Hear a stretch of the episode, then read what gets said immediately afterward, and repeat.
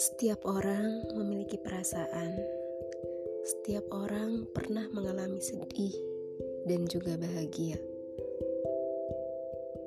Mungkin termasuk teman-teman semua pernah ngerasain sedih dan bahagia. Sebenarnya hal itu sering terjadi. Siklus naik turun, tapi mengapa ya? satu kesedihan menutupi kebahagiaan. Kita tahu bahagia dan sedih pasti akan berlalu. Yang sulit itu melalui kesedihannya. Terima kasih. thank you